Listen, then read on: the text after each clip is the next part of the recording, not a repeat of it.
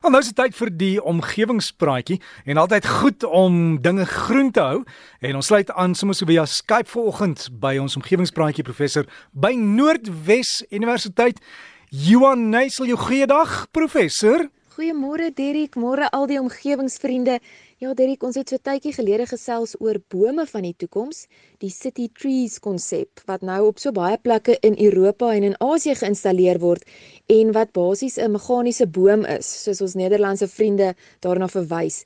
Maar um, vir ons omgewingsvriende wat hierdie praatjie gemis het, Die City Tree is basies 'n muur van mos wat deur 'n elektroniese stelsel onderhou word om die grond en die voedingsvlakke van die mos gedurig te meet en aan te pas sodat hierdie mosmuur in die dorre stadsomgewing kan voortbestaan.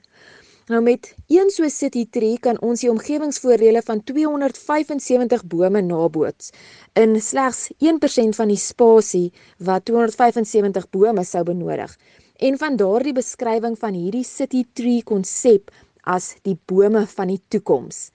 Maar nou ja, Derek, buiten bome is parke ook nou besig om 'n heeltemal nuwe gesig en beplanningsaanslag te kry.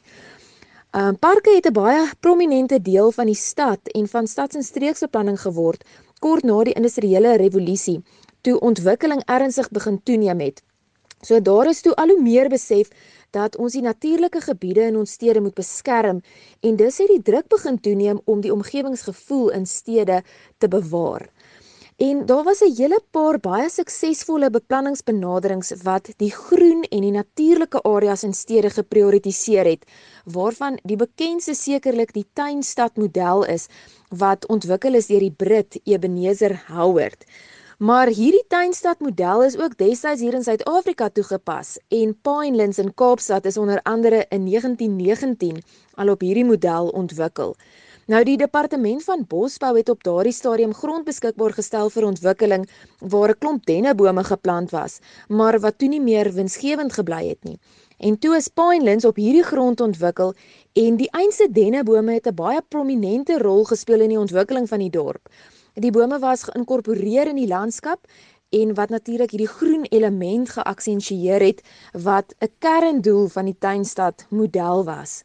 Maar sedert daardie tyd het ontwikkelingsdruk wêreldwyd net meer en meer toegeneem.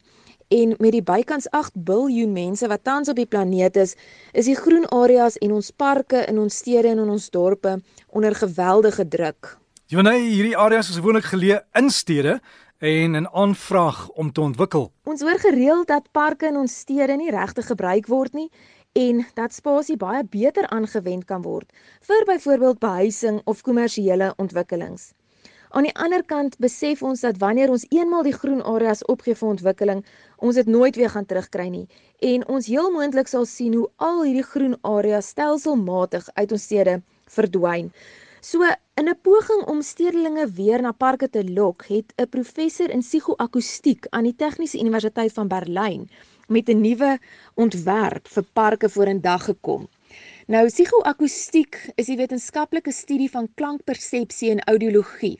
So dis basies om te kyk na die sielkundige en die fisiologiese reaksies wat met klank verband hou.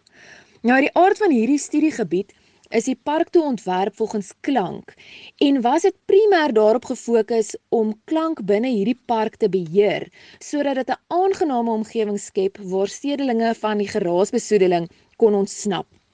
So die hoofitem in hierdie parkontwerp was 'n klankabsorberende muur.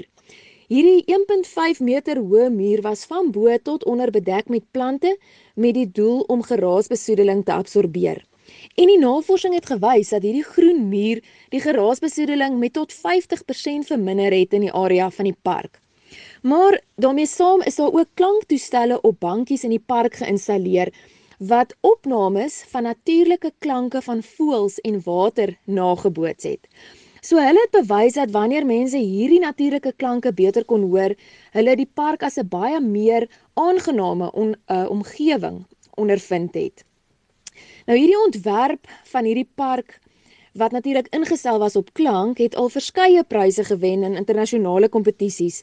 Juis ook omdat soveel meer mense nou hierdie park gebruik nadat dit nou so herontwerp is en omdat dit vir mense 'n natuurlike en 'n rustige omgewing bied binne die gejaagde en besoedelde alledaagse lewe. En Jonay seker baie meer so oor naweke. Sê gou, wat is jou groen gedagte? Die mens vind rus in die natuur en in natuurlike klanke en parke speel 'n baie groter rol in die mens se lewe as wat ons besef. Maar ons parke van die toekoms gaan waarskynlik meer op akoestiese ekologie staatmaak waar ons landskapsargitektuur en ekologie en akoestiek en sielkunde en innoverende ontwerp bymekaar sal bring om meer aangename parke in ons stede te kan skep. En ja, Jonay, dis uh, dele wat groen is en nie net mooi lyk nie, maar ook funksioneel is. Net so Derrick parke waar mense tyd wil spandeer en waar hulle vir 'n rukkie uit die stadslewe kan ontsnap. So gesels ons dan met ons omgewingsprofessor en sy is by Noordwes Universiteit Johannesel J. As jy wil kontak maak, e-pos is omgewingspraatjies by gmail.com. Omgewingspraatjies by gmail.com.